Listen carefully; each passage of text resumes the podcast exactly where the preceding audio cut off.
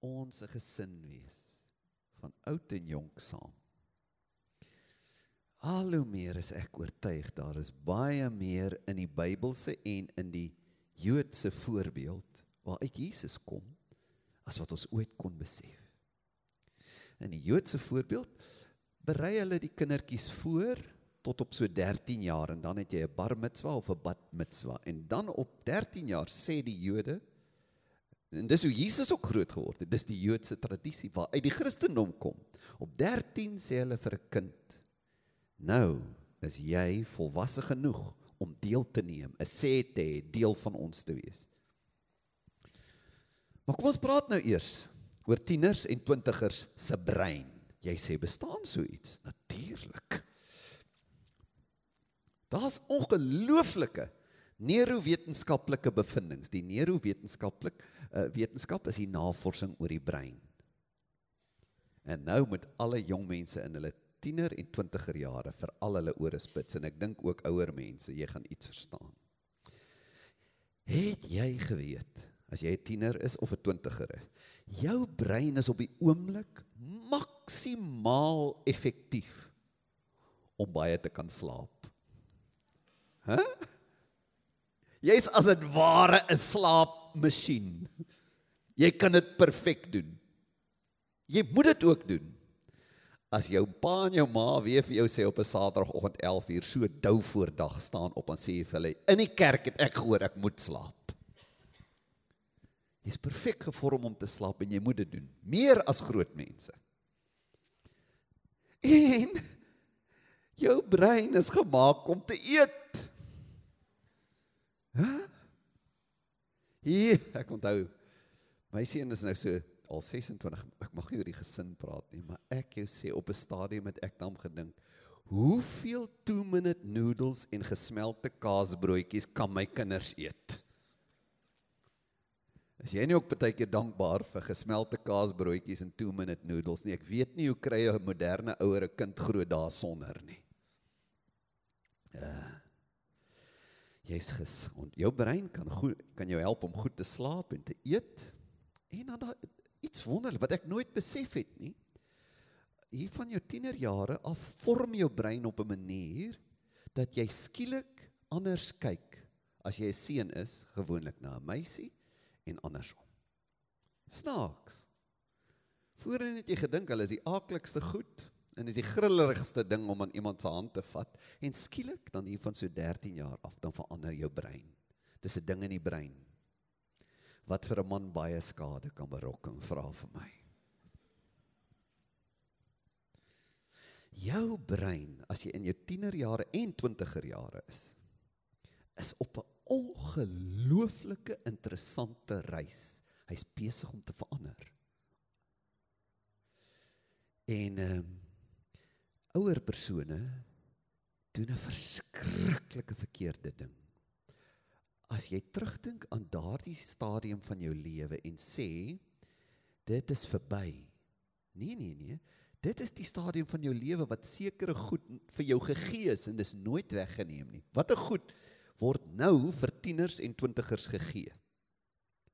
Jy raak skielik meer ontvanklik vir avontuur jy wil meer dinge waag. Ek onthou nou die dag, vertel ek my vrou hulle, hoe ons as kinders net op 'n stadium besluit het. Maar hoor hier, 'n mens kan mos van 'n dak af spring. Ek weet nie of moderne kinders dit doen nie. Deesdae het ek 'n bietjie 'n knie wat pyn en 'n heup wat pyn. Ehm um, en ek onthou nou hoe het ons van die dak af gespring. En wie kan die hoogste van die dak afspring? Jy val jou laat jou brein skud. Jy wil waag. Skielik ontwaak iets in jou. Ek moet uit ek moet goed waag. Ek moet dinge doen wat my ma en pa gaan laat skrik. Jy's ontwerp om dit te doen, doen dit.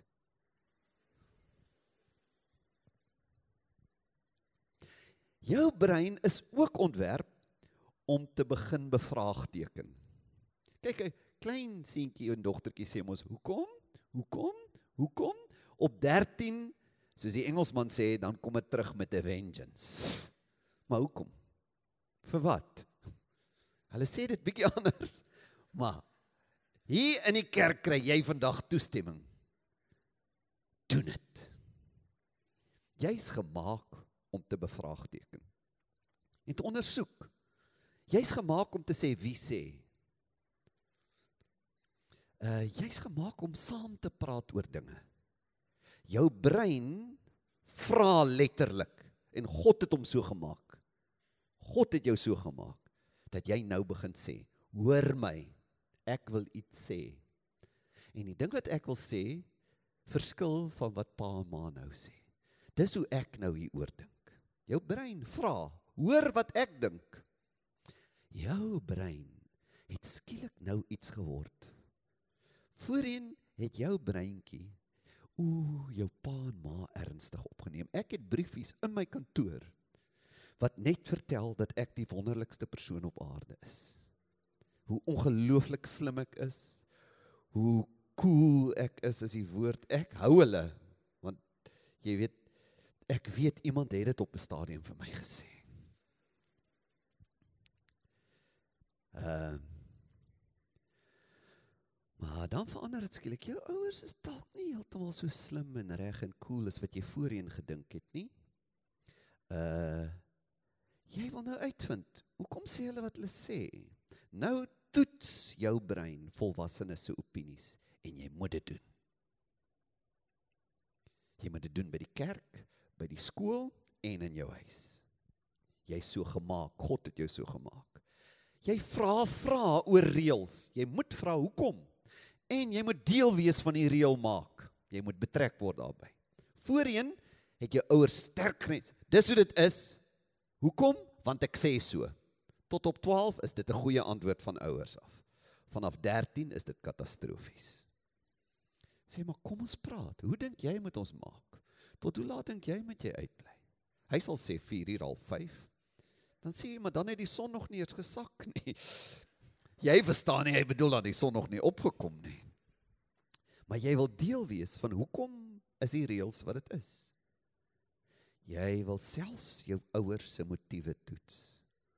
Hoekom maak maar alles so? En skielik, 'n baie ouderdom, is dit verskriklik vir 'n tiener, veral in die kerk en vir 'n twintiger as hy begin agterkom, my ouers wil hê ek moet 'n soort lewe leef wat hulle nie self leef nie. My ouers het 'n soort lewe by die kerk, maar eintlik sien ek iets anders in hoe hulle besigheid doen, hoe hulle met mekaar praat. Skielik hou hy nie meer van die besigheid nie. In hierdie stadium as jou kinders groter word, dan sien hulle 'n fariseer op 'n myl. Dis 'n goeie tyd vir 'n ouer om regtig tot bekering te kom sê Here, my kind kyk deur my. Help my. Jou brein as 'n jong mens in jou tieners en 20er jare. Jy verstaan dalk nie hoekom hoekom kyk ek al so uit? Want jy's gemaak. Jou brein vra nommer 1: Gee my egtheid. It must be real. Ek wil voel Ek kan jou vertrou. Gee my waarheid. Gee my lewe. Laat dit goed wees. Laat laat dit voel iets in my adrenalien word wakker soos jy my uitdaag. En daarom in die toekoms ek wil nou nie al my planne, ons planne hier gee nie. Wil ons vir jou as jong mense, jy's deel van ons die armes hier gaan bereik. Jy moet ons help. Wie kan beter vir arm ander tieners wys. Ons as kerk gee om. Nou kom die ouer mense en daar gaan hulle. Jy's mos hulle ouderdom, jy moet daar wees. Gee my diepte, sê jou brein. Ek wil iets beteken. Ek wil nie net hier sit en sê, doen julle die ding, ek kyk maar vir kerk nie. Jy is die kerk. En weet jy wat? Hierdie goed wat ek nou vir jou sê, is nie my opinies nie. Dis absoluut in die afgelope dekade wetenskaplik is daar enorme vordering gemaak oor hoe die brein verander. En skielik ontdek wetenskaplik is die deel van die brein wat aktief is in geestelike ervarings soos gebed. Uh skaam kry as jy iets verkeerd doen, as jou gewete jou pla. Emosioneel word as jy vir iemand iets vertel wat jy van jou hart af wil kry. Daai deel van die brein. Kom ons noem dit die deel wat geestelike ervarings het. Die deel wat ook sê ek glo in God. Is skielik dramaties ontvanklik vir geestelike ervarings. Jy's gemaak vir kerk, jy weet dit net nie.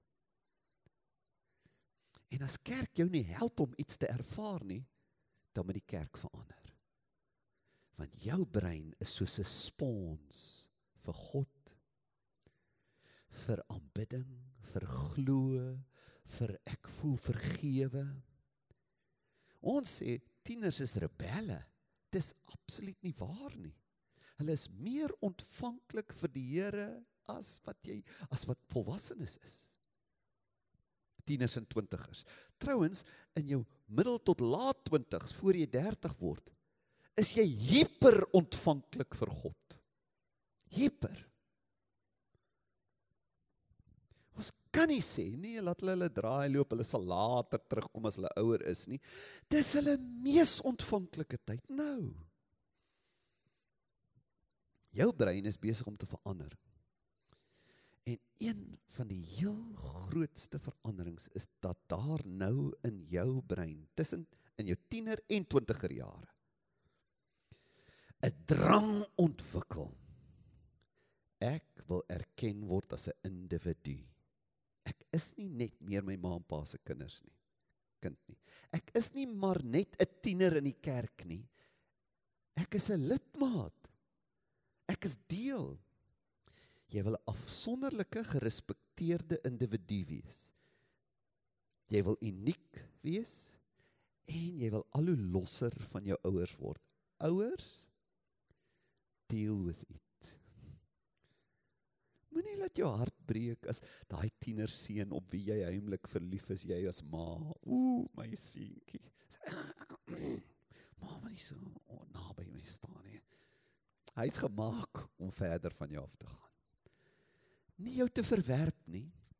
Maar hy is ontwerp dat hy nou vir jou wil sê, "Ma, kyk na my, as nie net joune nie, as iemand." Jy as 'n uh, dat jy jy jy wil los van jou ouers wees, maar nie vyandig nie.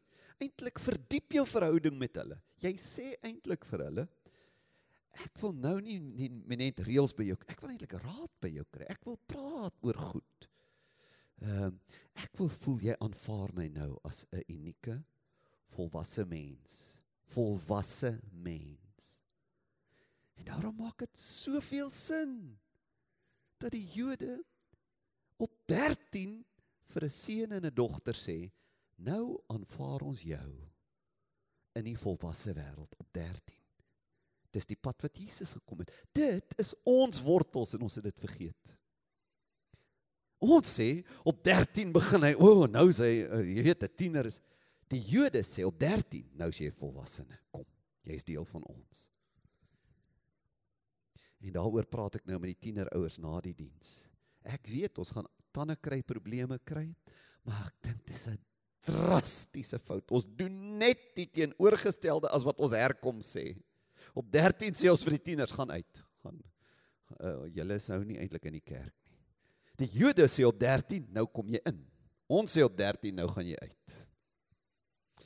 En ek gaan nou nie met die gehoor die statistieke deel nie, maar mense nou met die ouers sal ek na die tyd. Die statistieke van wat die afgelope 20 jaar gebeur het, vandat kerke vir tieners sê, gaan jy uit, hou eenkant kerk, is absoluut tragies. Jy wat 'n tiener hier uh, wat hier uh, uh, is in hierdie diens. Jy's nie 'n besoeker nie. Jy is die kerk.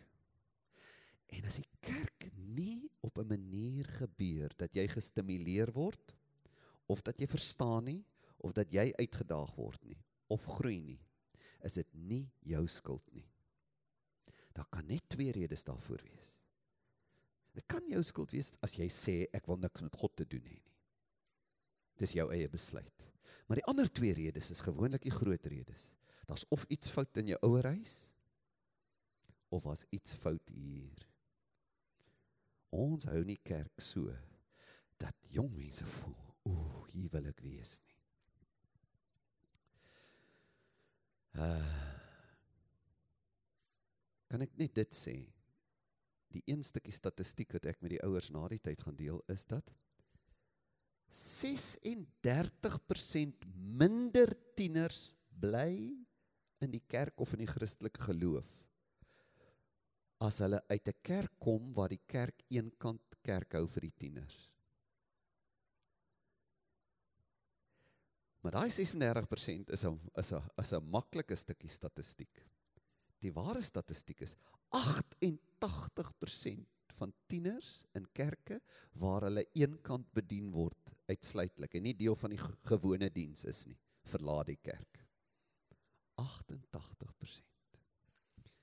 Ek sal oor die implikasies na die tyd met die ouers praat. Uh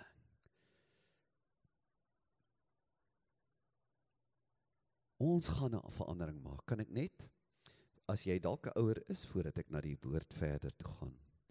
Hier is ons dink die wyse stap wat ons wil neem en dis nou by wyse net van inligting dat as kinders 13 is, standaard 5 op graad 7, gaan ons vir hulle begin sê ons berei jou nou voor vir volwasse lewe.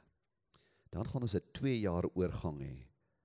Graad 8 en 9 gaan hulle saam met ons aanbid en 'n deel van die diens ervaar. En dan gaan hulle met in 'n oorgangstyd bedien word. Maar hulle is altyd vry om te sê ek voel nou nie, ek wil nie meer daar wees nie, ek kan terugkom. Ons gaan daarmee eksperimenteer. So vir alle ouers met 'n graad 8 of 9 kind vandag hier. Volgende Sondag sal daardie kinders saam met ons aanbid en op 'n stadium in die diens gaan ons hulle begin met hierdie oorgangstydperk. Ons sal daarmee eksperimenteer vir 'n ruk. Ehm um, Maar nou, vandag wil ek vir jou sê die Bybel is 'n baie jonger boek as wat jy dink. Ek weet Abraham is in die Bybel en Moses. Ek weet dit. Ek het dit geleer vir jare. Ek weet Abraham is in jou Bybel en ek weet hy het bly glo tot hy 100 jaar oud is en toe is Isak gebore. Is hier iemand in die gehoor wat 100 is? 90? Ek weet hier's 'n paar 80ers, maar het jy 'n kind in die kleuterskool? Dis die vraag.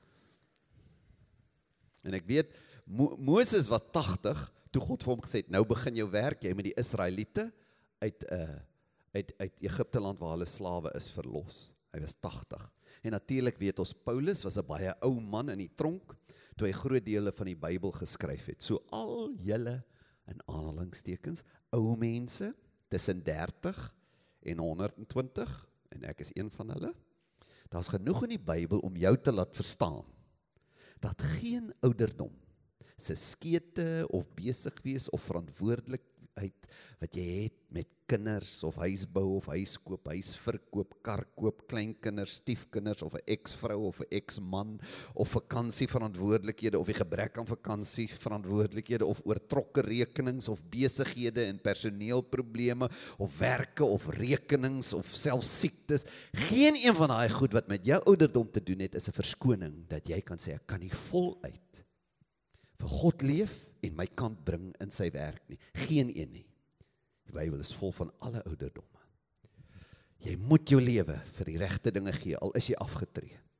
Of al werk jy hoe hard of al het jy kinders en jy's so besig.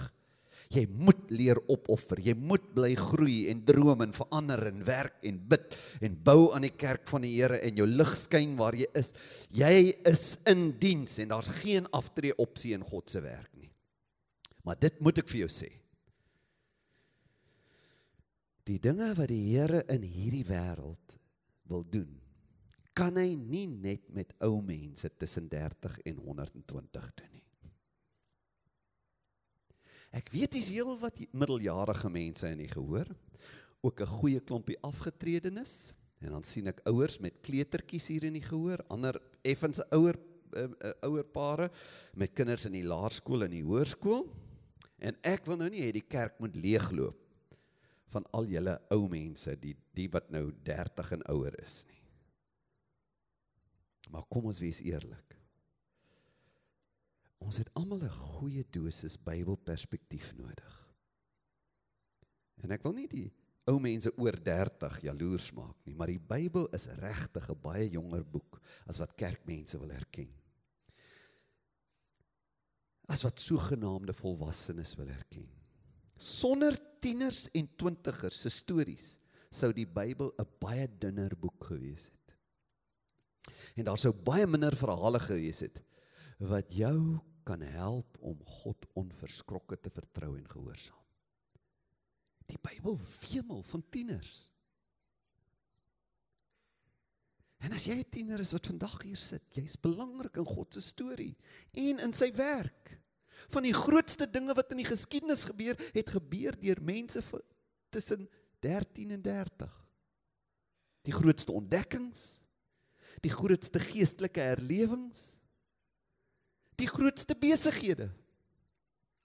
En in die Bybel, Dawid was 'n tienerseentjie toe God jonk jonk vir Samuel gesê het daar's iemand naby aan God se hart.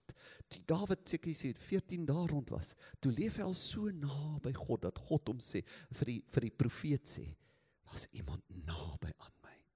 En ek wil hê jy moet hom gaan koning maak. Dawid was 'n tiener toe hy Israel se vyand Goliat verslaan.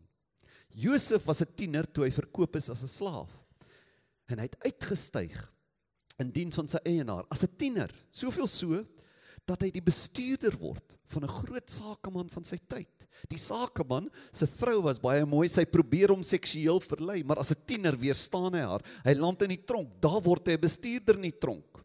Uiteindelik voordat hy 30 is, hy was nog in sy tiener of 20er jare, toe word hy die eerste minister van Egipte. Rut was 'n tienermeisie of 'n baie jong vroutjie, hoogstens 20. Toe sy haar lewe gewaag het. Daardie tyd as jy ingegaan het by 'n koning, die Persiese koning, dit was 'n vyandige mag wat Israel ingeneem het. En uh Rut die koning het toe haar, haar as een van sy haarlem gevat, een, een van sy vroue. En die reël was net as die koning vir jou roep, mag jy by hom ingaan. Hy roep haar nie. Die volk word bedreig, daar's iemand wat al die Jode wil doodmaak. Sy besluit, ek gaan in by die koning. Hy kon net daar gesê het, maak haar dood, ek het haar nie geroep nie. Sy waag haar lewe as 'n jong jong meisie. En sy verander die geskiedenis. Daniel en sy vriende het as tieners en 20 20ers 'n wêreldheerser weerstaan. Toe hulle toe hy hulle van hulle geloof wou laat afsien. En so het hulle die geskiedenis verander. Die Joodse volk se geskiedenis en myne en joune. Samuel was 11 jaar oud, 11 jaar oud. Toe in die nag hoor God praat met hom. En God sê vir hom gaan sê vir die hoofpriester Eli. Nou die hoofpriester daai tyd was soos die koning van Israel. Hy was die heerser. Gaan sê vir hom ek is met hom ontevrede. Ek is ontevrede hoe hy met sy seuns maak en sy seuns gaan sterf en hy gaan nie meer hoofpriester wees nie. Hy's 11 jaar oud en hy moet die leier van die volk gaan sê, God sê jy maak nie reg nie, 11 jaar oud. Maria was 'n tiener toe sy oorgie aan die stem van die Here aan die engel wat sê God gaan 'n kind in jou verwek. Sy gee nie om van wat mense gaan sê nie, sy sê as dit God is, moet dit gebeur tienermeisie. Jesus was 12 jaar oud. Toe het hy al so met die skrif omgegaan dat hy in die tempel agterbly toe sy ouers terug gaan huis toe en die en die leiers, die priesters en die skrifgeleerdes was absoluut verbaas oor hoe hy die skrifte ken. Die eerste disippels was meestal tieners of in hulle vroeë 20's toe hulle die Christelike geloof in hierdie wêreld begin het. Dit was ons kerk is begin deur tieners en twintigers. Dis waar die kerk ontstaan het. Timoteus was 'n jong man toe Paulus vir hom gesê het hy was hoogstens in sy vroeë 20's. Party meen hy was nog 'n tiener. Toe Paulus vir hom sê jy moet die gemeente wat ek geplant het, jy moet as leier aangaan. En gee vir my 'n paar minute net om nog 'n geval in die Bybel te vir jou te noem. Daar's 'n verstommende verhaal in die Ou Testament oor die grootste koning wat Israel ooit gehad het. Ons almal weet natuurlik wie dit is, né? Nee? Dis Dawid. Ah. Dis nie Dawid nie. Jy kry hierdie koning se CV in 2 Konings 23 vers 25. Kyk wat sê die Bybel oor hierdie koning. Dit sê en voor hom was daar geen koning soos hy nie wat hom tot die Here bekeer het met sy hele hart en met sy hele siel met al sy krag volgens die hele wet van Moses en na hom het daar nie een soos hy opgestaan nie. Die Bybel sê hier was die grootste koning van Israel ooit. Weet jy hoe oud was hy toe hy koning geword het? 8 jaar oud daar staan dit. Josia was 8 jaar oud toe hy koning geword het. En hy het 31 jaar in Jerusalem geregeer. Hy het nie 40 jaar oud geword nie. Hy was 'n seentjie van 8 het hy koning geword en die Bybel noem hierdie persoon wat die grootste deel van sy werk gedoen het voor hy 30 was en hy het begin op 8. Die grootste koning ooit in Israel. ons moet tieners en twintigers ernstiger opneem. En jy wat 'n tiener of twintiger is, moet jouself ernstiger opneem. Moenie sê eendag as ek groot is nie, jy's nou groot. Jy het 'n doel in hierdie lewe. Jy kan 'n verskil maak. Hier's Josia, 8 jaar oud. Word die grootste koning. En net in 'n paar minute voordat ons afsluit, wil ek dit vir jou noem wat wat ek leer uit hierdie kind Josia se lewe. En mag jy as kind of as tiener of as twintiger sê ek is klaar met hierdie kultuuridee dat eendag as ek volwasse is gaan ek nou die groter ding doen. Jy's nou volwasse. Jy kan nou daai lewe begin leef. En elkeen van ons wat hier is, oud en jong, kan geïnspireer word deur hierdie storie. Josia se suksesverhaal leer vir my dat jou geloof kan 'n groter sê oor jou toekoms hê as wat jou omstandighede kan hê. En dit geld vir ons almal, oud en jonk. Partykeer dink ons, wat met my gebeur? Dit gaan bepaal wie ek is. Dis nie waar nie. Wat jy glo en hoe jy in God vashou gaan bepaal wie jy word. Hoekom sê ek dit uit Josia se lewe? Want Josia kom uit 'n huis uit. As jy nou daai gedeelte gaan lees, dis so hier in 2 Konings 22 begin sy storie. Maar die vorige hoofstukke wys waar hy vandaan kom. Sy oupa het sy oupa se eie kinders, met ander woorde sy pa se broers en susters. Josia se oupa het van sy pa se boeties en sissies in die vuur opgeoffer vir die god Moloch. Dit was 'n god by wie hulle afgod beeld Hulle het vuur gemaak en dat hy sulke eysterhande gehad en dat die kinders daar gaan verbrand. Dis die huis waar uit Josia gekom het. Sy oupa het dit gedoen. Sy pa het dieselfde gedoen sê die Bybel. Sy oupa was Manasse en sy pa was Amon. Miskien sit jy hier as 'n jong mens, maar partykeer sit ons die res van ons lewe met daai leuen. Omdat so en so met my gebeur het, is ek so en so. Ons geloof bied jou 'n ander opsie. Omdat ek so en so glo, sal dit en dat wat met my gebeur het nie my toekoms bepaal nie. Nie my pa se alkoholisme nie. Nie my ouers se ongeloof nie. Ek was 14 jaar oud en op daai stadium weens tragiese omstandighede was my ouers nie in 'n kerk nie. Ons was 8 kinders. My ma het nie 'n bestuurderslisensie gehad nie. Sy was 'n diep gelowige, maar sy kom in die kerk toe vat nie. My pa het geweier weens 'n groot teleurstelling in sy lewe. Het hy vir 'n ruk lank sy rug op God gedraai en ek was 14 jaar oud en ek het verlang na kerk. Ek het op 'n Sondagoggend opgestaan en ek het kilometers geloop alleen in 'n kerk gaan sit en dit het my lewe verander. Later het my ma saam met my gekom. My ouers is geskei later toe my pa later 'n hartoperasie gaan kry, het ek saam met hom gaan bid en hy teruggekom na die Here toe. Jy op 14, 13, 8, 17 Moenie die leuen glo en jy wat oud is en sê omdat dit en dat met my lewe gebeur, dis hoekom dinge is soos dit is. Dis nie waar nie. Josia se storie sê, my ouers was afgodsdienaars. Hulle het ander kinders doodgemaak. Dis waar ek groot geword het. Ek gaan nie so wees nie. Wat jy glo, bepaal jou toekoms. nie jou omstandighede nie, nie jou eie mislukkings nie. Ek het die besigheid verloor. Ek is deur daai egskeiding. Hierdie persoon is dood. Daarom is ek wie ek is. Dis nie waar nie. Jy is wie jy is omdat jy glo wat jy glo. Die tweede ding wat Josia se lewe vir my leer is dat jou lewe kan 'n nuwe wending neem as jy toelaat dat God jou hart aanraak. Hierdie Josia Hy begin soek want daai tyd was die hele Israel afgodsdienaars. En hy begin soek na die by na die hy sê maak die tempel skoon en hy kry die sê nou maar die Bybel, die wetboeke daar en die profete en hy begin dit lees en toe hy dit lees, weet jy wat sê die Bybel? Hy begin huil. Hy skeur sy klere. Hy sê ons is ver van God af. My volk van wie ek die koning is, dien God glad nie. So moet ons hom dien. En dan stuur hy sy leiers na 'n tannie toe wat 'n profeet was. Hy sê wat moet ek doen? Ek lees nou hierdie wetboek. Ek sien ons is ver van die Here af. En sy stuur vir hom 'n boodskap terug en sy sê omdat jou hart week is en jy jou voor die aangesig van die Here verneder het en jy voor my aangesig geween het. Daarom gaan jy 'n groot koning wees.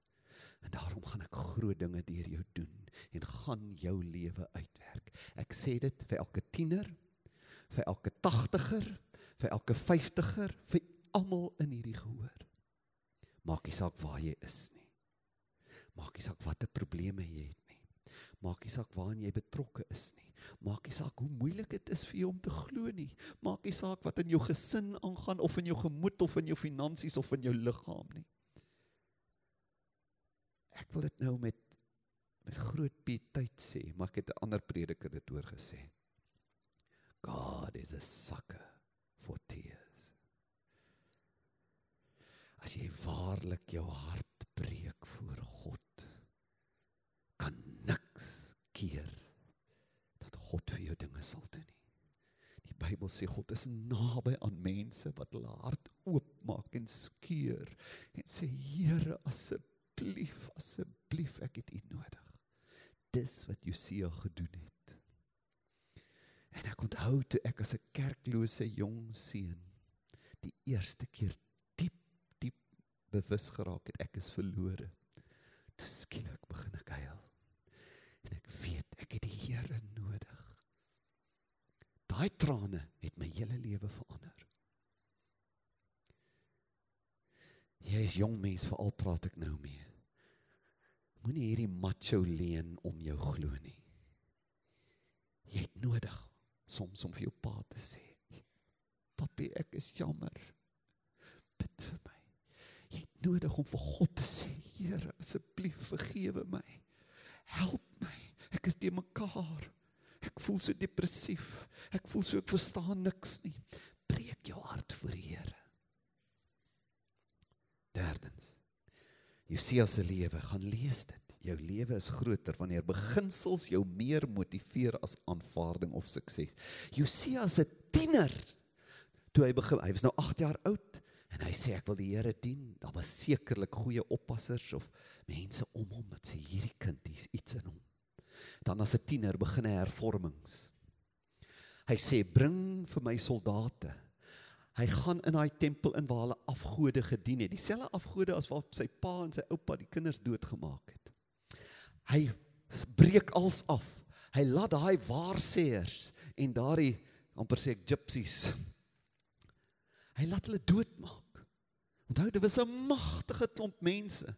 Hy waag sy lewe, hy staan op. Hy sê van nou af is dit anders hier.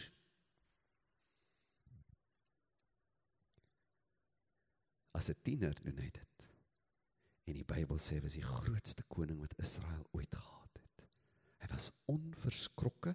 Hy neem sy stand tussen sy vriende, tussen mense wat hom kan doodmaak. En hy sê dis wat ek my lewe voor wil gee. Ek daag jou uit om jou lewe vir iets te gee. Ek daag jou as tiener uit, kom kerk toe. Daag jou as ouer uit, bring jou kind. En as die kind As jou tiener nie verstaan wat hier aangaan nie, kom praat met my. Sê dit vir my.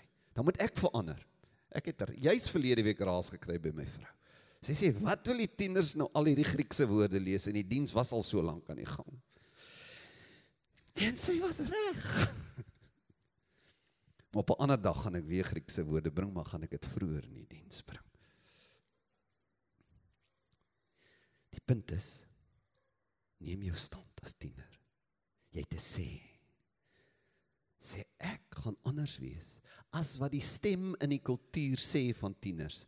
Die kultuur sê tieners is rebelle. Tieners wil nie in die kerk wees nie. Tieners verstaan nie hierdie kerk goed nie. Sê jy dis nie waar nie. Ek verstaan. Ek wil God ken. Ek wil reg leef. Ek wil anders wees. En laastens Josia se lewe leer vir my as aanbidding jou grootste strewe is sal jy vind waarna jou diepste wese soek. Ouers selfs al sal jou tienerseun of dogter dit nie vir jou sê nie. Die wetenskap bewys dit en ons as gelowiges weet dit. Sy grootste dors, haar grootste begeerte is ware aanbidding om te voel God bestaan. En ek raak nou in hierdie diens van hom bewus en ek wil vir hom leef dis waarna nie net tieners nie, maar elke mens die meeste soek. Josia lees in daai boek. God het gesê in hierdie tempel moenie afgode aanbid word nie, maar ander feeste gehou word. En die eerste fees wat hy herstel is die Pasga. Hy nooi die hele volk kom bring lammers slag hulle kom hou 'n ete met ongesuurde brood bitterkruie en met geslagte lammers. Dis asof Josia weet. Hierdie volk so ver van God af, al wat hulle nodig het is om weer te aanbid. En as 'n tienerseun verander hy 'n hele volk. Net omdat hy luister na sy eie hart se diepste begeerte.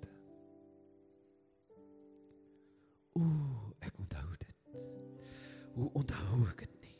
Toe ek as tienerseun in 'n kerk inloop. En ek sien ou mense, ek onthou dit soos vandag nog, hulle hande in die lug sit. En ek sien op hulle gesigte hulle aanbid. En ek kry die gevoel in my binneste dis wat ek wil hê. Ek wil ook so voel ek weet wie's God. En ek kan self met hom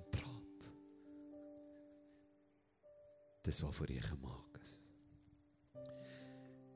En God nooi elke mens om so te leef. En ons as gesin van God, oud en jonk saam. Ja, is 'n Bybelse voorbeeld, berei jou kindertjies voor. Maar dan is hy bar mitzwa kom in